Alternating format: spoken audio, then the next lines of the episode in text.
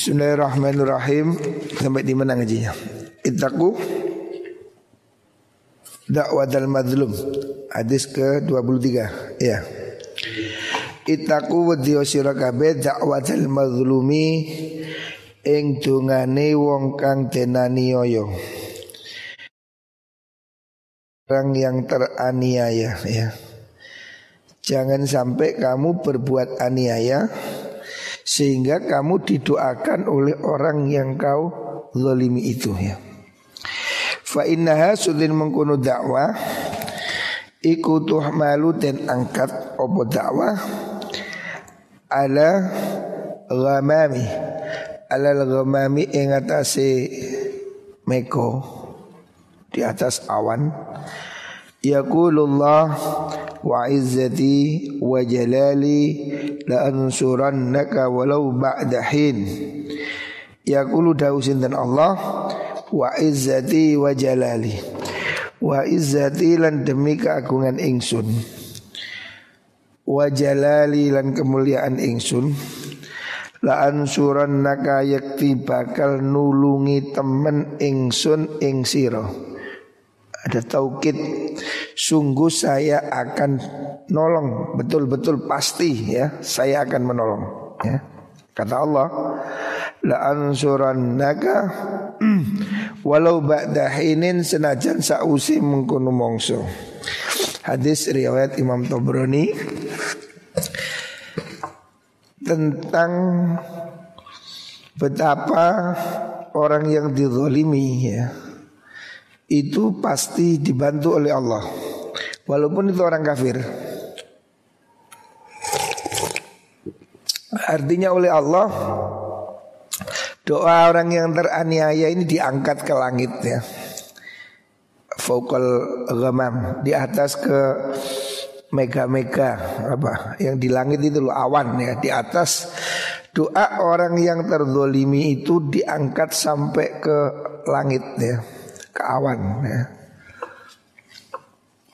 Kemudian Allah berjanji la ansuran saya pasti ya pasti. Ada taukid ansuran nunnya itu taukid. Pasti saya akan membantu ya.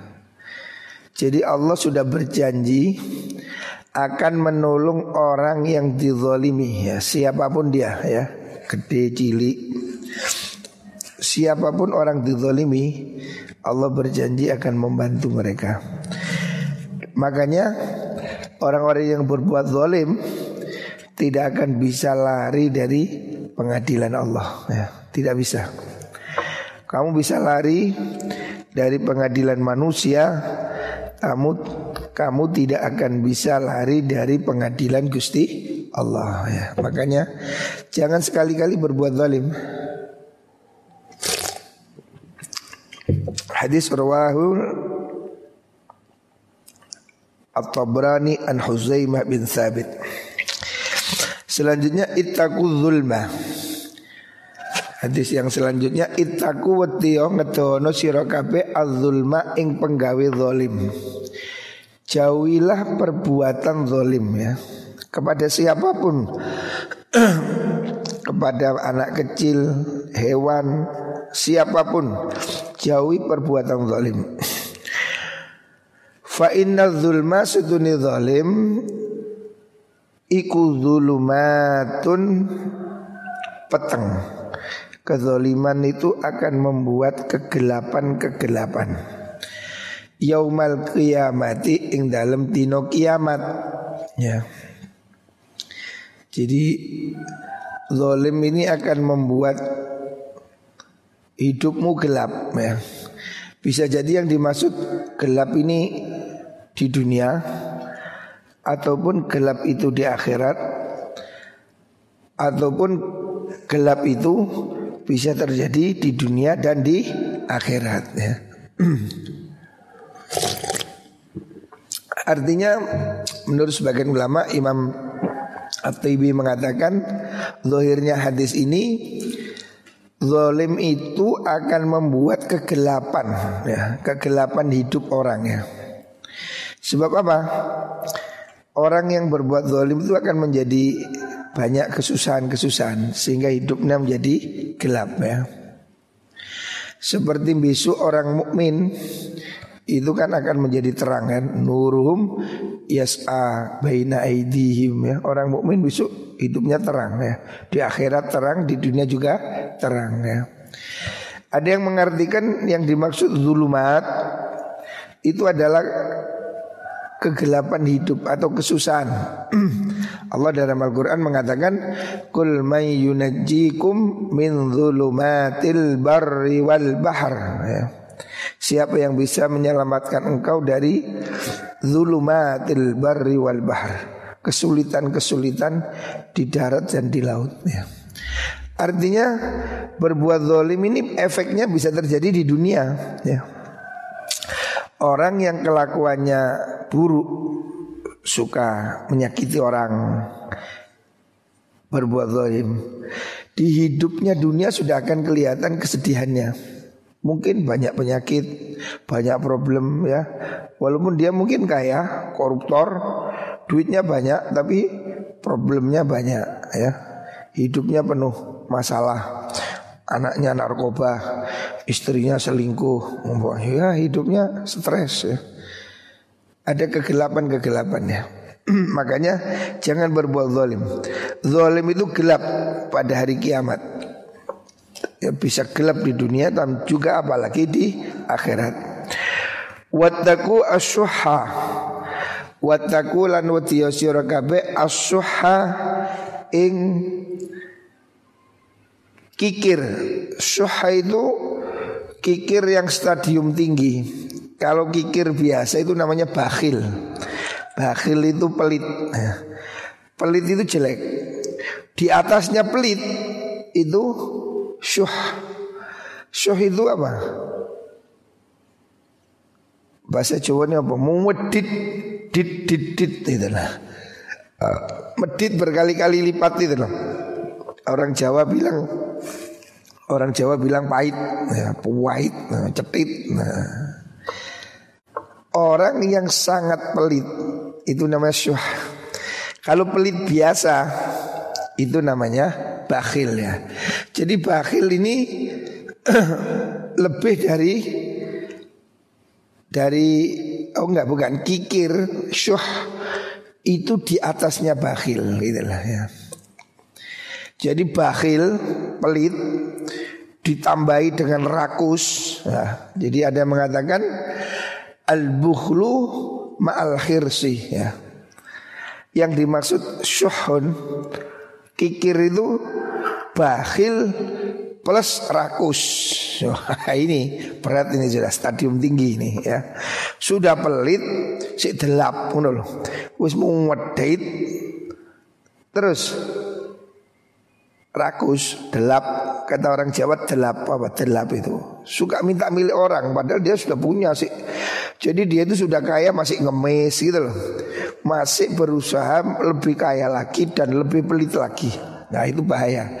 Itu penyakit yang berbahaya ya. Namanya kalau dalam bahasa Arab itu asyuh. Ini bakhil stadium tujuh bakhil yang tingkat dewa. Fa inna syuhasaduni cara Jawa ini maknanya kumat. Fa inna syuhasaduni kumat. Kumat itu kalau dalam bahasa Jawa kumat. Kalau dalam bahasa Arab ya bahasa Indonesia ya kikir itu di atasnya pelit loh.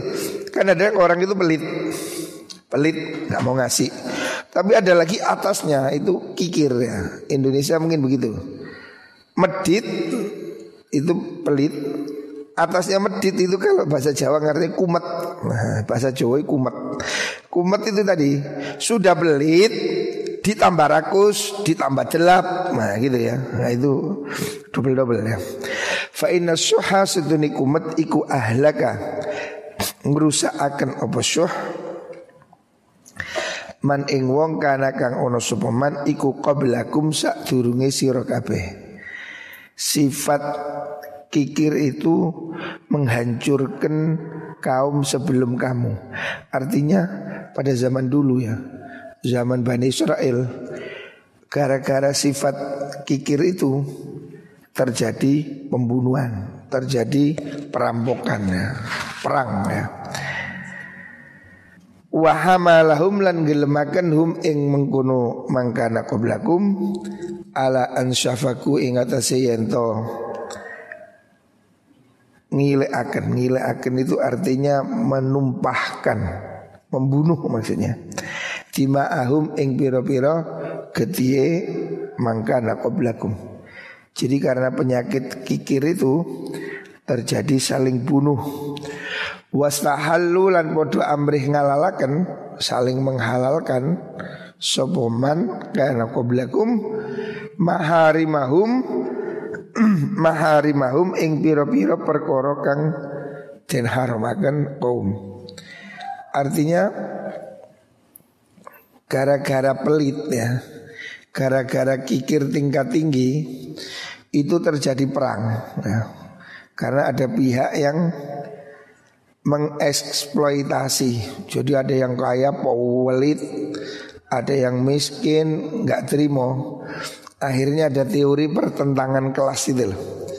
Itu yang kemudian pada zaman akhir itu ada istilah komunisme itu. Komunis itu kan pertentangan kelas kaya dan kelas buruh. Sehingga kemudian terjadi penjarahan ya. Ada ide untuk menjadi sosialis harta dibagi sama. Karena sudah terjadi ketimpangan yang terlalu tinggi. Yaitu kemudian yang menggerakkan ide faham komunis sosialis itu. Itu pada zaman dahulu sudah ada ya. Pertentangan kelas antara yang terlalu kaya dan terlalu miskin. Akhirnya terjadi tahan. Ya seperti hari inilah. Hari ini kita dengar sudah mulai banyak kejahatan kan. Ya karena ekonomi sulit. Ketika ekonomi sulit, orang sulit bekerja, ada yang mengambil jalan pintas.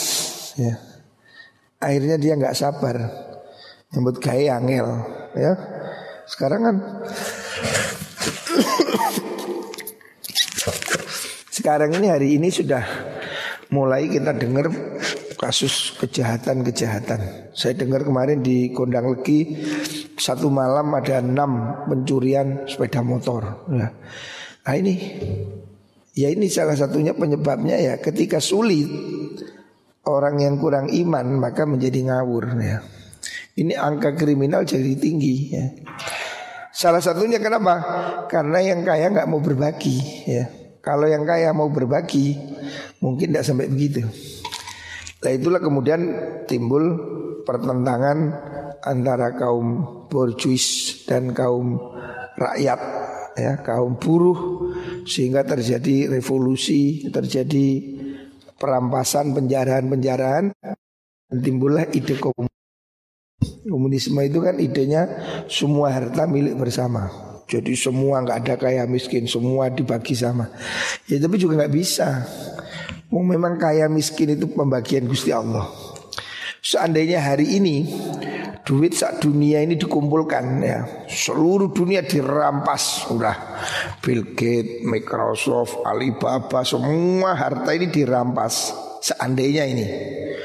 Seandainya kemudian kita komuniskan dunia ini ya.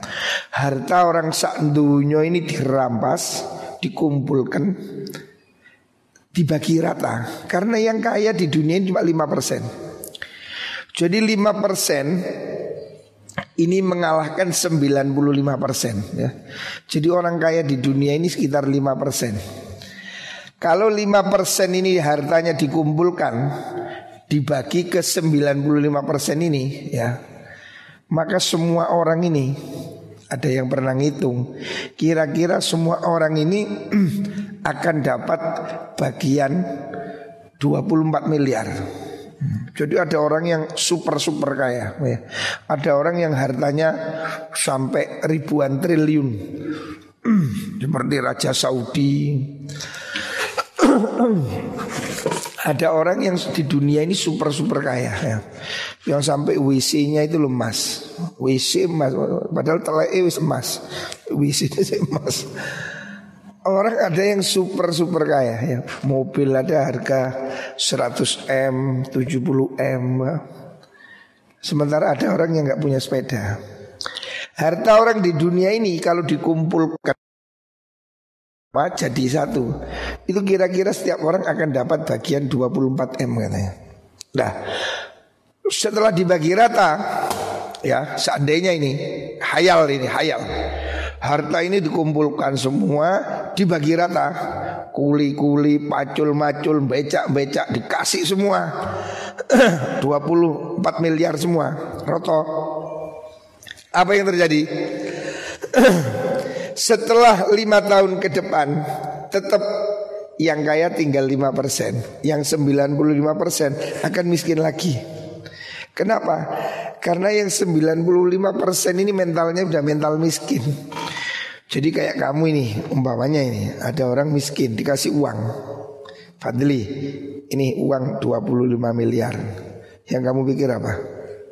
Langsung beli rumah istri 4 Mobil 10 Handphone 10 Kamu akan berpikir menghabiskan uangmu Banyak orang yang berpikir untuk menghabiskan uang dia akan senang-senang keliling dunia ya.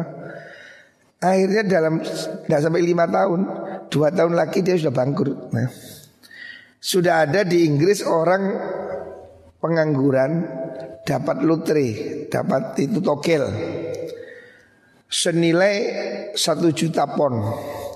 Wah itu, kira-kira jumlahnya berapa miliar itu Mungkin 160 miliar hanya dalam tempo tidak sampai lima tahun sudah miskin lagi. Karena apa? Ya begitu dia dapat duit itu beli rumah, beli mobil, beli ini pacaran, cari cewek, wah apa sudah habis sudah. Lima tahun lagi dia sudah kiri lagi. Ya. Jadi memang sudah takdir Allah kayak miskin itu. Ada orang memang yang mentalnya mental miskin. Kalau dia punya uang, ya yang ingin dipikir habiskan itu. Ya.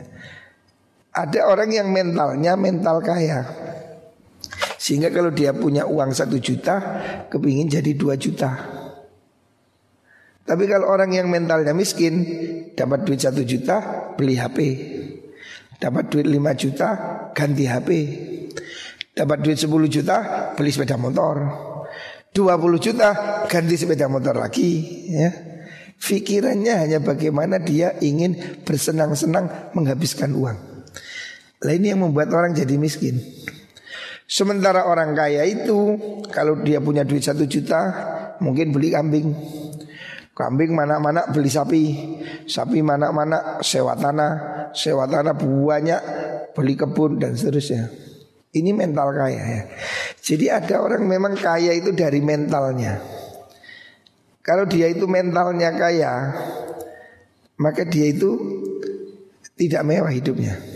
Saya pernah ketemu salah satu orang kaya. Saya pernah diajak teman ketemu namanya Pak Franky yang punya Indomie itu, Indofood, mantunya Om Lim itu. Orangnya itu masalah biasa sekali. Tahun berapa saya ketemu dia itu? Mungkin sekitar tahun 2010 lah Saya diajak ke pabriknya sana Di Bogasari, Indofood Pabrik besar, pabrik mie terbesar di Asia Orangnya itu yang namanya Pak Franky itu pakai jaket biasa ya jaket bukan kelas lah. Pada jaket Nur Muhammad ya, jaket biasa gitu. Handphonenya apa? Handphonenya waktu itu saya yang tertarik tak lihat handphonenya. Handphonenya itu kayak Nokia yang jadul yang nggak ada nggak ada WA-nya itu. Saya waktu itu sudah bisik-bisik teman saya. Handphone dia masih lebih bagus handphone kita semua. Kita semua itu sudah pakai Android. Dia itu masih pakai handphone yang kuno itu. Ya. Loh itu saya bilang ini loh mental orang kaya. Jadi orang kaya itu tidak kakean gaya gitu. Yang orang miskin kepingin kelihatan kaya. Nah ini kenapa orang itu yang kaya tambah kaya, yang miskin tambah miskin. Karena orang miskin itu kepinginnya kaya. Ya. Jadi dia itu yang paling penting itu handphonenya. Nah, Saya lihat kadang anak-anak itu Ya tonton Anak di rumah saya ini loh Saya itu kalau singgahi iPhone Gaya kan itu. Kakian pola ya. Apa sih handphone itu? 80% fitur yang ada di handphone tidak kita pakai. Yang kita pakai itu kan cuma nelpon sama WA Selebihnya itu yang aplikasi ini itu. Hampir tidak pernah dipakai. Ngapain kita beli handphone mahal itu? Ya. Jadi banyak orang yang menyia-nyiakan uangnya Ya sama dengan orang beli mobil mewah Ferrari Kecepatan untuk apa wong dia itu jalan 100 saja susah. Mau beli Ferrari yang kecepatan 400 kilo per jam.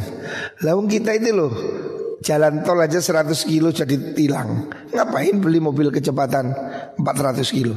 Mau dipakai di mana? Mungkin seumur hidupnya tidak pernah dia ngebut segitu. Tapi dia demi gaya beli Ferrari, beli apa namanya itu yang kemarin kecelakaan terbakar itu Nissan GT. Oh, ada orang yang sebetulnya dia beli itu gengsinya. Jadi dia sebetulnya tidak tidak perlu itu gitu. Lah ini yang banyak orang yang jadi miskin karena gaya itu. Hidupnya jadi berat karena gayanya terlalu berat ya. Jadi kalau kamu hidupmu berat berarti gayamu kakean ya. Berat ini seimbang dengan gaya. Kalau semakin banyak gaya, hidup akan semakin berat ya. Jadi jangan kita ini nuruti kesenangan orang yang dilihat orang ya. Kadang kita ini memang sok begitu. Sejak dulu saya ini sama teman-teman di poyok-poyoi beli Alphard. Saya nggak mau, enggak lah. Mungkin saya beli Alphard itu kuat, ya, bukan tidak kuat. Tapi saya pikir untuk apa? Hong keluarga saya anak kecil-kecil semua di pondok nggak dipakai kan? Bensinnya mahal, pajaknya mahal, perawatannya mahal. Kalau sekedar mobil ya saya punya mobil saya bisa-bisa tidur nggak harus kelihatan mewah. Tapi banyak orang yang kemudian begitu. Dia yang kelasnya harusnya masih naik sepeda motor Kredit Avanza. Padahal gak bisa nyupir. Terus digeopo Ini kan membuat hidupnya jadi berat gitu. Jadi banyak orang yang hidupnya menjadi menderita, tidak bahagia Karena dia mengukur dirinya dengan apa yang dilihat orang. Sebetulnya dia naik mobil Avanza cukup Tapi makso beli Fortuner beli Pajero. Dia berusaha tampil di atas yang dia mampu. Ya ini yang menjadi malapetaka. Ya. Yang menjadi orang jadi hidup susah itu itu. Jadi kalau kamu itu sebetulnya masih kelasnya itu naik apa itu sepeda motor apa itu? Supra namanya. Jangan maksa naikkan naik apa? Ninja. Jangan maksa naik ninja kamu. Oh biar kaya naik ninja. Untuk apa? Gayamu itu loh untuk apa? Jadi gaya tidak akan membuat dirimu jadi kaya. Tapi kalau kamu kaya, pasti kamu bergaya. Jadi nggak usah gaya-gaya. Kalau orang kaya ya seperti saya lihat Pak Franky itu, walaupun rambutnya gondrong, dikuncit, jaketan elek, saya itu melihat kayak pelukis di pinggir jalan itu di Malioboro yang itulah. Tapi dia hartanya triliunan. Orang malah kagum, wah ini orang kaya penampilan begini. Tidak perlu dia pakai voice, orang sudah tahu ini orang kaya, pemilik Indofood. Hmm? Walaupun pakaiannya murah, tak lihat jaketnya itu ya. Ya, yes, pada baik jaketnya sama itu ngantuk itu. Arjun, isi ngono-ngono itu lah jaket kelas. Tapi walaupun tidak pakai jas mahal, orang sudah tahu ini orang kaya, bergaya sudah. Tapi kalau kamu miskin, gaya, ya orang makan mencibir. Alah, penampilan meyakinkan, rokok eceran. Eh, orang udah tahu jaket nyile, sepatu nyile. Dulu ada di sini anak pondok itu teman saya itu. Waduh itu full full full aksesoris, pakai kalung, jaket kulit, celana jin, sepatu, tapi pinjem semua. Jadi sampai kalau kita itu kalau diambil telanjang itu. Jadi full full aksesoris tapi pinjem jaket kulit ke mana-mana jaket kulit, kalungan, gelangan, pakai celana jin. Untuk apa? Ya. Ini hidup jadi berat ini karena gaya ini ya. Jadi kita ini jangan memaksakan hidup di luar kemampuan kita. Kalau kita ini kelasnya masih naik sepeda ya sudah naik sepeda nikmati naik sepeda. Lihatlah orang yang tidak punya sepeda. Jangan kamu bandingkan wah saya kok sepeda itu naik sepeda motor ya kamu sedih. Kalau kamu urusan dunia jangan lihat ke atas, lihat ke bawah ya. Kalau kamu jalan kaki syukuri ada orang yang nggak punya kaki ya lebih baik daripada lumpuh. Jadi kalau kamu jalan kaki jangan lihat yang naik sepeda. Kalau kamu masih kelas naik sepeda, jangan lihat yang naik Honda. Kalau kamu sudah naik Honda, jangan lihat yang naik Toyota. Ya, kamu jadi pusing. Wah, beda motor eh, kehujanan. Enak kalau punya Toyota Innova. Nah, pikiranmu menjadi tergila-gila dan kamu tidak bersyukur. Kenapa anak kecil itu bahagia? Kamu lihat, saya punya anak dua kecil-kecil, sudah hari lari-lari bahagia. Karena apa? Karena dia itu tidak tahu harga mainannya berapa. Ya dia sewenang sudah dikasih mainan harga sepuluh ribu ya sewenang dikasih apa pun yang murah-murah ya senang. Makanya saya tidak pernah belikan anak saya mobil mahal, tidak. Saya tidak mau ngapain beli mahal-mahal juga rusak. Jadi beli dia mainan apa pun sudah cukup sebetulnya. Tidak perlu yang pakai remote. Anak saya itu saya belikan truk-truk yang diseret, itu cukup. Eh, ngapain? Oh dia sudah bahagia karena dia nggak tahu harganya berapa. Jadi anak kecil itu dikasih apa pun jadi bahagia karena apa? Satu dia tidak tahu harganya. Yang kedua dia tidak membandingkan dengan milik temannya. Jadi dia mengira itu ya sama aja. Makanya dia bahagia, senang dikasih mainan apa pun senang meskipun mainan kulit pisang oh ya senang. Itu loh orang anak-anak kecil itu bahagia karena dia tidak menilai harganya. Kita ini menjadi tidak bahagia karena kita bandingkan handphone saya Oppo itu Vivo, kamu bingung handphone saya ini itu lebih bagus. Kamu menjadi nggak bahagia punya Oppo kamu jadi nggak bangga karena apa? Temanmu punya Vivo atau punya apa lagi yang lebih tinggi lagi Samsung ya. Yang punya Samsung nggak bahagia nah, Saya cuma Samsung S7 Dia S, S10 nah, Yang S10 nggak bahagia eh, Cuma S10 Dia punya iPhone X Dan seterusnya kita ini menjadi tidak bahagia karena kita membandingkan milik kita dengan milik orang lain, yaitu yang membuat kita tidak bahagia. Kamu naik sepeda motor harusnya sudah bahagia. Tapi karena kamu masih lihat yang naik ninja, wah ini sepeda motor bebek, sadelnya datar. Coba ninja kan jengking. Kalau bukan gonceng kan bisa mepet. Nah akhirnya kamu menjadi mimpi yang aneh-aneh itu sudah. Nah ini ini yang membuat hidupmu nggak bahagia itu. Karena kamu selalu membandingkan dengan milik orang lain. Mendiwang. Rawahu Muslim. Ini hadis riwayat Imam Muslim. Selanjutnya hadis ke-25 Allahumma salli Muhammad. At-tahaddusu bi ni'matillahi syukrun. At-tahaddusu tai cerita-cerita ya, menceritakan. Bi ni'matillahi kelawan nikmatnya Allah jadi orang menceritakan nikmat Allah itu syukurun bersyukur, tidak apa-apa. Ya. Asalkan dia itu tidak niat sombong, ya. Kalau niat sombong itu tidak boleh.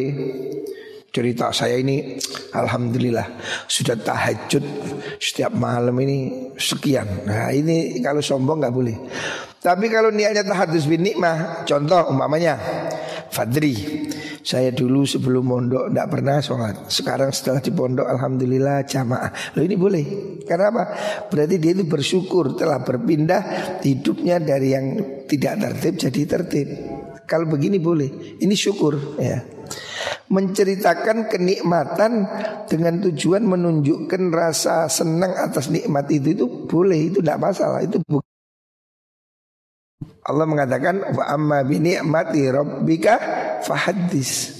Nikmat Allah ceritakan. Ya saya syukur alhamdulillah. Nah, saya katakan saya alhamdulillah bersyukur Umpamanya saya ini sejak kecil sama ya saya diajari untuk sholat tahajud. Alhamdulillah saya merasa itu pendidikan orang tua itu baik lah itu. Itu tidak ada masalah ya. Jadi yang tidak boleh itu kalau dia itu menceritakan dengan sombong, saya ini loh mondok sudah sekian tahun, saya ini saya ini anu lah itu saya ini lah yang begitu itu yang nggak boleh ya. Ya. Kalau apa dia ingin dipuji atas nikmat itu ya oh, anak saya ini begini istri saya hmm, ah, itu enggak kalau niatnya untuk cari pujian ya atau menunjukkannya itu untuk supaya dilem orang itu tidak kalau dia itu me, apa namanya menceritakan nikmat Allah dengan tawadhu ya itu tidak apa-apa. Jadi menjalankan apa yang dia katakan Allah wa amma bi ni'mati rabbika fahaddis. Dan Allah itu suka kalau asarnya nikmat Allah itu tampak. Ya contoh, kamu oleh Allah diberi sehat, maka kamu tampakkan sehat itu. Kamu rajin ngaji, rajin belajar.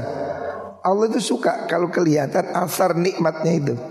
Karena kamu syukur diberi sehat, kamu tumbuk tunjukkan dirimu ini giat mengaji, giat pengajian, giat ibadah. Ah, ini tahadus bin nikmah. Itu bagus ya. Dalam hadis lain Rasulullah Shallallahu Alaihi Wasallam mengatakan anak sayyidu waladi Adam yaumal qiyamati wala fakhra. Nabi juga mengatakan begitu Saya ini akan menjadi pemimpin Sayyid dari semua anak manusia Jadi Nabi ini pemimpin semua anak Adam Mulai dari Nabi Adam sampai Adam yang lain Artinya seumur seumur dunia ini pemimpinnya adalah Nabi Muhammad Wasallam. Ya. Akan tetapi Nabi Muhammad mengatakan begitu wala fakhra. Saya tidak sombong. Bukan niat sombong, bukan saya ini loh anaknya kiai. Nah, itu sombong. Kalau tujuannya itu untuk tahadus bin nikmah dengan niat tawaduk ya alhamdulillah ya seperti tadi alhamdulillah saya dulu itu sakit setelah ini rajin sholat tahajud Alhamdulillah saya itu jadi sehat Nah ini kan menunjukkan syukur nikmat Bahwa sekarang kita ini menjadi sehat Karena saya dulu itu ekonominya susah Alhamdulillah setelah kita ini riadoh setiap hari baca istighfar, baca surat waqiah, sholat duha, alhamdulillah rezeki jadi baik. Loh ini tahadus bin nikmah. Ya, tidak apa-apa. Supaya kita ini menunjukkan bahwa ini yang terjadi ini bukan kekuatan saya. Saya punya seperti ini, oh ini alhamdulillah berkahnya doa orang tua. Tidak apa-apa ya. Jadi saya mengatakan alhamdulillah saya apa manut pada orang tua saya dulu almarhum mengajari saya suruh wiritan suratul waqiah Sampai hari ini Alhamdulillah saya merasa tidak ada kesulitan. Lah ini tidak ada masalah ya. Bukan niat menyombongkan. Tapi kalau saya ini loh ahli wiritan. Saya ini ahli anu. Lah ini tidak boleh. Ini namanya som sombong ya. Jadi yang tidak boleh itu menyombongkan kelebihan yang kita miliki. Apa itu ilmu? Saya ini orang paling pintar. Di sini ini nggak ada yang pintar. Nah, ini nggak boleh ya pokoknya kalau bukan saya wah ini nggak boleh.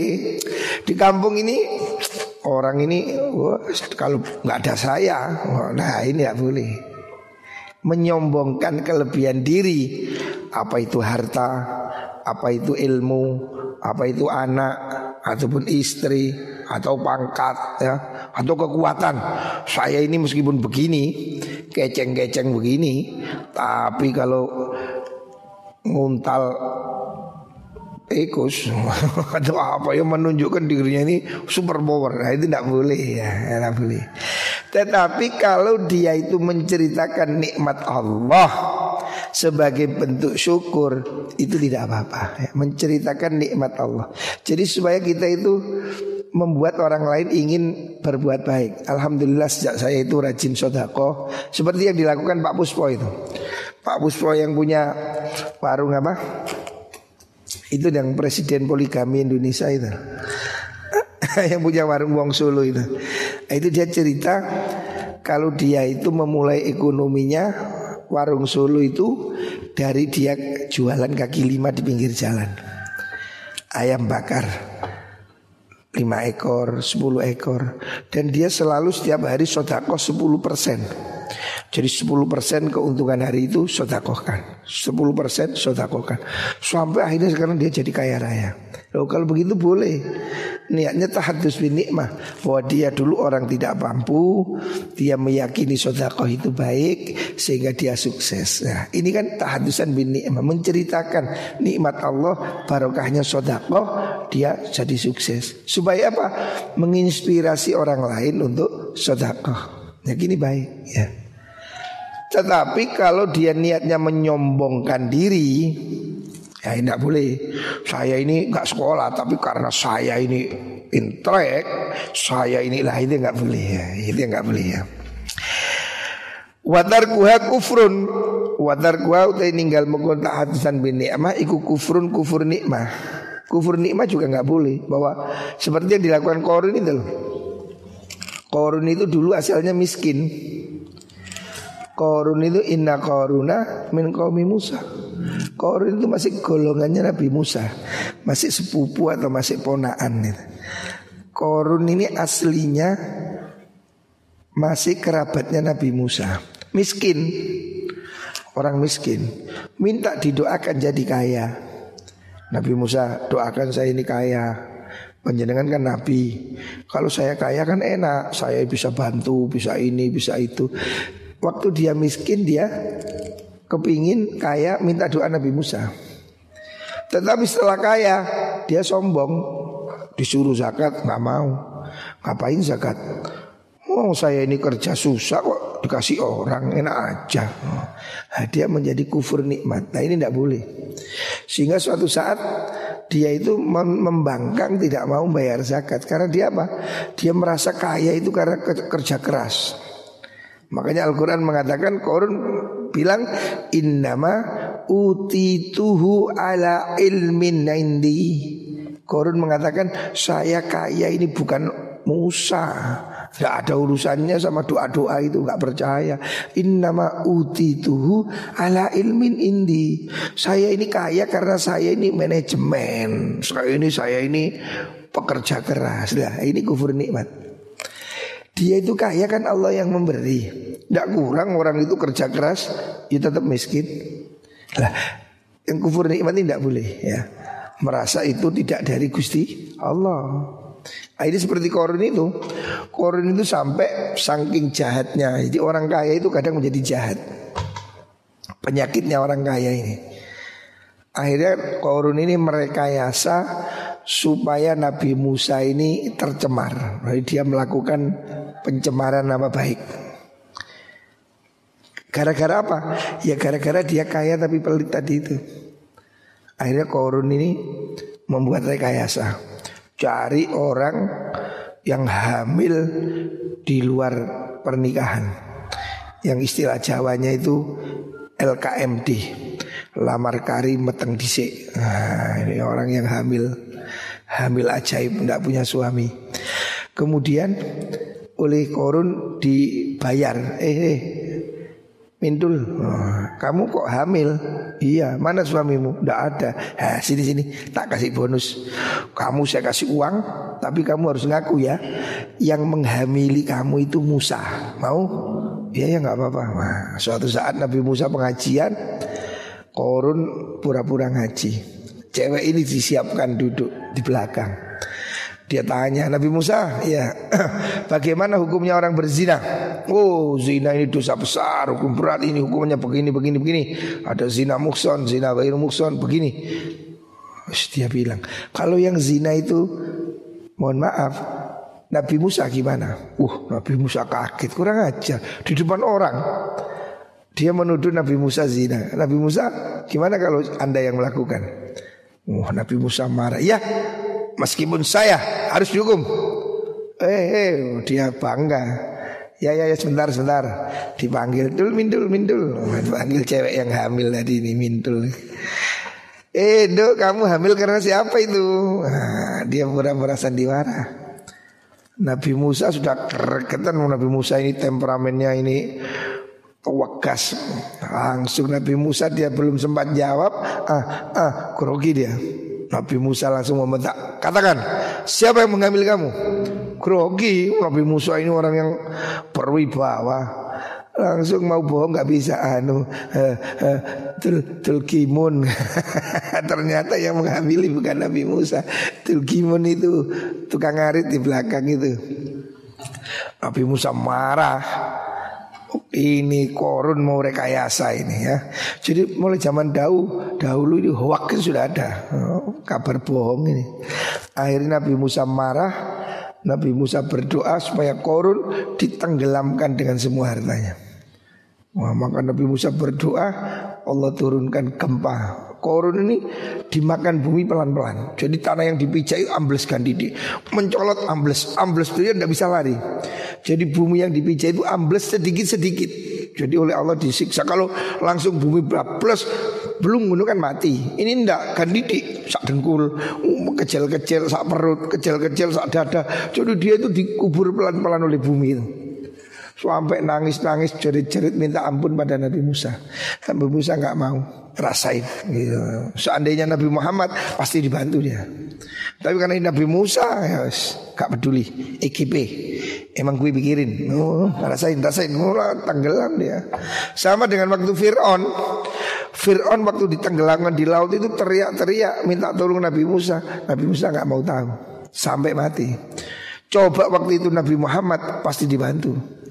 Karena Nabi Muhammad ini Raufur Rahim. Nabi kita ini Nabi yang penyayang. Fir'aun waktu tenggelam itu nangis tolong Musa, Musa, Musa. Nabi Musa cuma mm, mm, rasain lu. Tidak direken sama Nabi Musa. Kalau Nabi Muhammad, oh orang mau bunuh diampuni ya. Ya, Nabi kita ini Nabi yang Raufur Rahim, sangat pemaaf. Makanya umatnya ini jangan galak-galak gitu loh.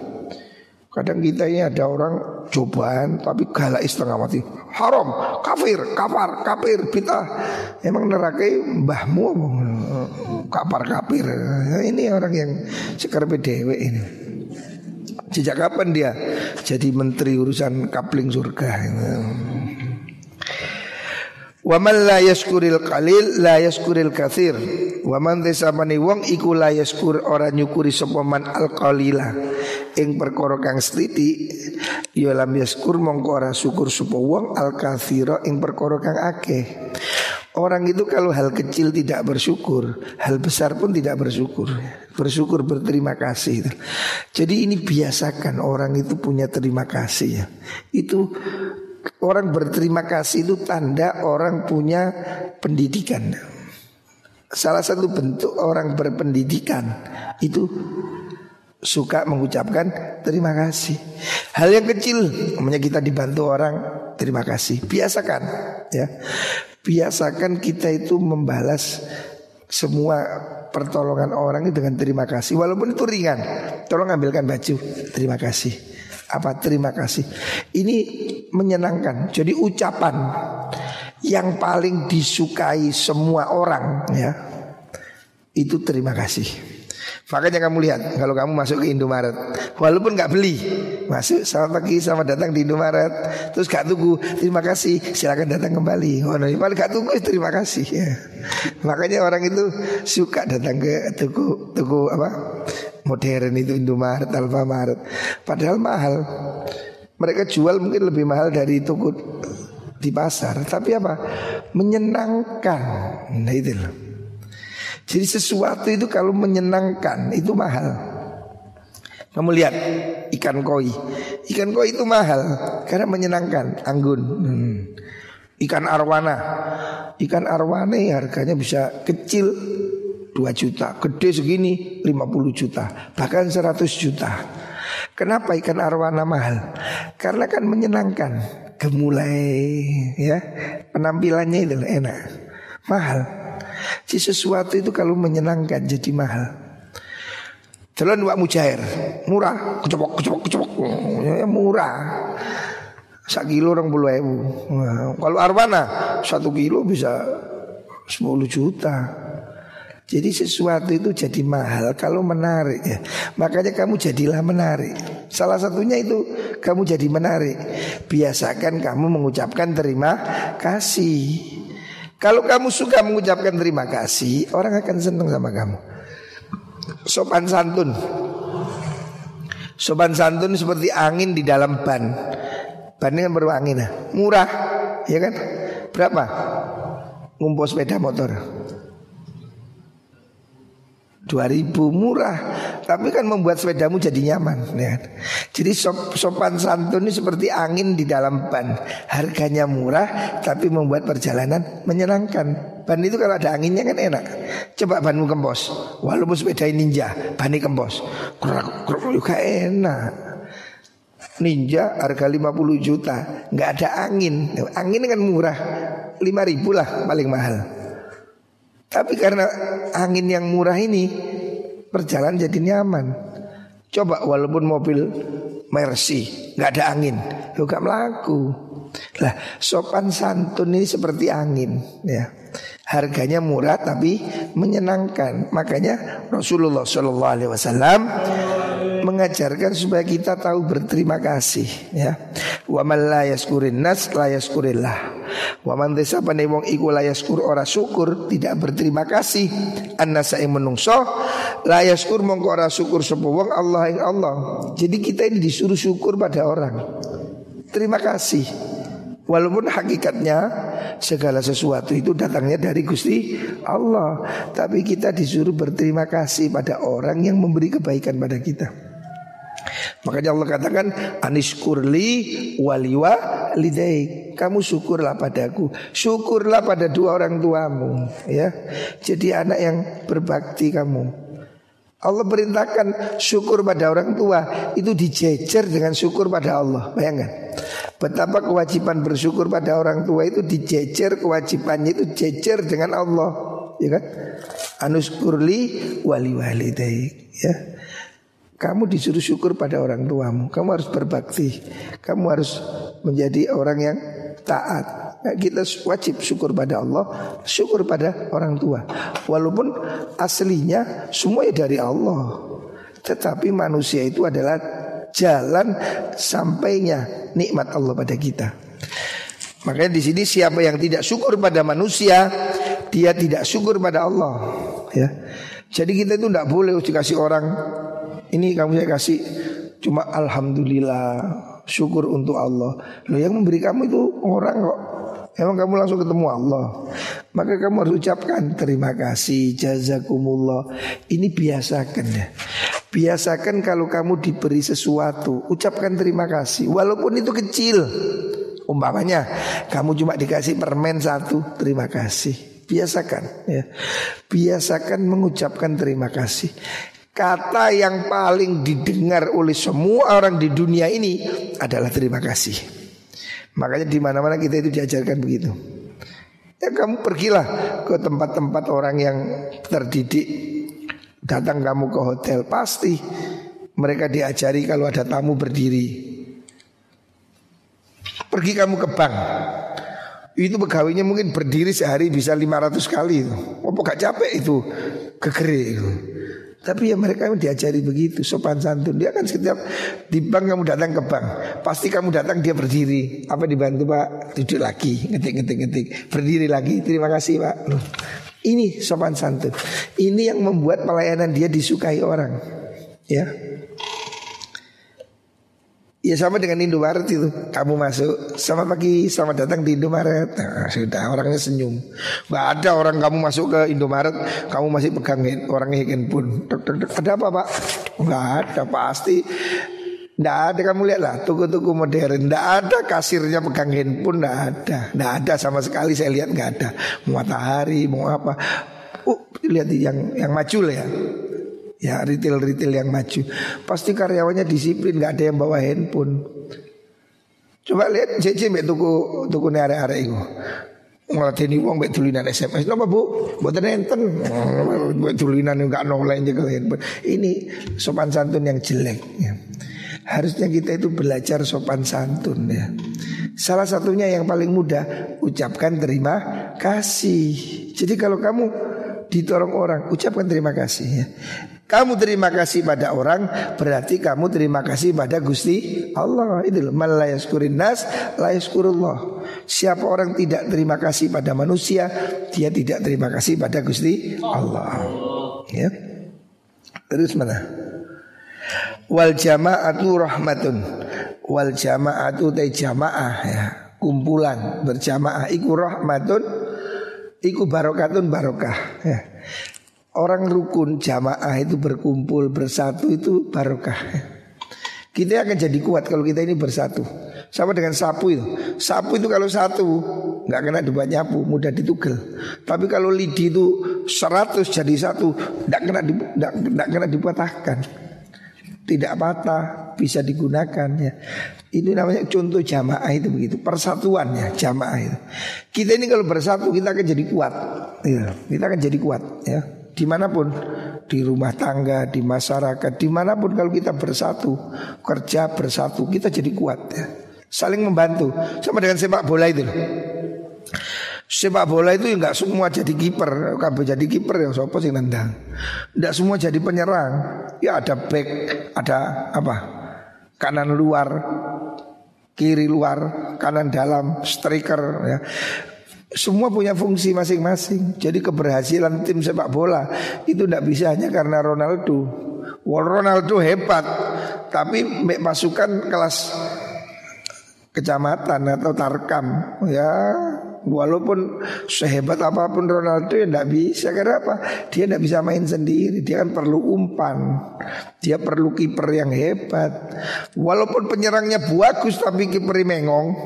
Moro dikai umpan konjoni gak dicekel. Lebu guyang guyu ya Gendeng semua Ronaldo bisa senting Kalau seandainya oh, Suatu klub terbaik, sepak bola terbaik Tapi kiper mengong bal liwat guyang guyang loh ya mencel gitu jadi kerja tim kalau kita berkumpul kita akan jadi kuat ya. Jadi tidak semua orang itu bisa melakukan semua hal. Nah, ya seperti tangan ini lah. Tangan ini kan bekerja sama. Tangan kiri ini ya untuk hal-hal yang cewek-cewek pakai tangan kiri. Ini makan tangan kanan, jabat tangan tangan kanan. Tapi kan kerja sama. Makanya tangan kiri dikasih cincin, tangan kiri dikasih arloji. Karena arloji kan tangan kiri. Karena apa? Yang kiri ini ya kerjanya pembersih ya. Dikasih lah aksesoris cincin, dikasih arloji. Nah, ini kan kerja sama. Yang kiri oh gak iri. Ini kita makan pakai makan tangan kiri, makan kanan. Cewek kiri ya. Tapi kan tidak usah tidak usah saling iri. Memang ini tugasnya belakang, ini tugasnya depan. Nah, saling membantu. Tidak boleh kalau iri. Enggak saya mau depan semua. Nah, kamu akan begini, terus cewek ya apa? Uh, wal itu uh, makanya harus kerjasama. Jadi tidak tidak boleh jalan sendiri ya. Jamaah itu rahmah. Wal furqatu utawi pisah-pisah iku azab pun sikso Perpecahan itu azab Orang kalau sudah perpecahan ya Ya seperti perang saudara Hancurlah negara ya. Kalau sampai terjadi perang Perpecahan ya, Coba kamu lihat negara-negara yang hari ini Menderita. Kasihan kan seperti Syria. Syria itu dulu kota yang indah, makmur. Hari ini mereka jadi pengemis di Perancis Di Eropa.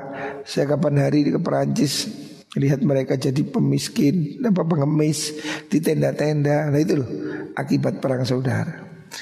Jadi di mana pun ya perpecahan itu azab ya akan menjadi bencana ya. Nah itu di Indonesia juga harus ya jaga persatuan kita ini. Ini lebih penting ya bersatu ya. Jangan berpecah belah ya. Dan yang penting tadi jangan lupa mengucapkan terima kasih ya. Jadi orang yang beradab, orang berbudaya itu terima kasih. Tidak ya terima kasih, iya juga terima kasih ya. Jadi biasakan selalu mengucapkan terima kasih. Ini pelajaran akhlak yang paling gampang ya, paling mudah ya. Jadilah orang yang menyenangkan. Kalau kamu itu sopan, ramah, menyenangkan, kamu disukai orang. Kamu akan disukai orang. Tapi kalau kamu itu nggak ramah, nggak mau kerja sama, maunya main menang sendiri, kamu pasti akan tersisih ya, nggak disukai orang. Ya. Jadi sesuatu itu menjadi mahal karena menyenangkan. Kamu tahu burung perkutut, burung perkutut tahu? Burung perkutut itu harganya sampai satu miliar. Ada teman saya ini punya burung perkutut juara, harganya satu miliar. Itu masih ngendok saja ya di, di ternak telur. Harga telurnya itu loh 2 juta. Padahal belum tentu netes. Telur kutut tak ini loh 2 juta. Karena ini anaknya juara. Padahal telur bebek segini seribu. Telur banyak segini eh, lima ribu. Itu telur kutut 2 juta. Karena apa? Dari sesuatu yang menyenangkan. Perkutut itu kalau suaranya kung kung kung, wah itu harganya satu miliar. Tapi burung dara, walaupun kuwede, mek nelek tok, murah. Huh? Burung dara, padahal kalau digoreng enak burung dara. Burung dara dua puluh ribu. Karena apa? Ya nggak yang menarik, nggak menarik, cuma nggak ada suaranya, nggak cantik, isone nelek, eh murah jadinya ya. Burung berkutut satu miliar, kalau digoreng enakan burung dara, tapi suaranya menarik. Ya, kambing dengan anjing ini beda. Anjing paling gede, anjingnya bisa harga satu miliar. Saya punya teman di Prigen, ahli anjing Cina ya. Itu anjing itu harga 200 300 juta. Karena apa? Karena anjing itu pinter, menyenangkan, lincah bisa disuruh. Mahal. Kambing eh, eh orang juta. ukuran yang sama. Kambing dan anjing ukuran yang sama, harganya ratusan kali lipat. Karena apa? Anjing menarik. Kok apa kucing juga yang cantik mahal kambing murah karena apa tidak menarik maka kamu ini harus menarik ya ojo turu turu ngaji turu sekolah turu kan turu eh Ya, kamu harus belajar jadi yang menarik. Tunjukkan kamu itu bisa dipercaya. Bahasa tubuhmu itu harus kelihatan. Ya. Orang itu cerdas dan tidak itu kelihatan dari bahasa tubuhnya. Kalau dia duduknya di depan, tegap, bersih, bau harum. Orang itu sudah ketemu itu sudah tubuhnya berbicara. Ini pinter, ini orang sukses. Bahasa tubuhnya itu sudah kelihatan. Tapi orang yang males itu ya nandindi ya delewer, lunggune kayak buri, singitan, delosor, nah, kelihatan. Kamu lihat di kelas itu, anak pinter duduk di depan. Arek nambeng lungu buri, la iso singitan, la iso ngono iso di kursi la iso. Kepingin sembunyi. Lah ini. Makanya siapkan dirimu jadi lebih baik ya. Moga-moga semua diberikan ilmu yang bermanfaat oleh Allah Subhanahu wa taala.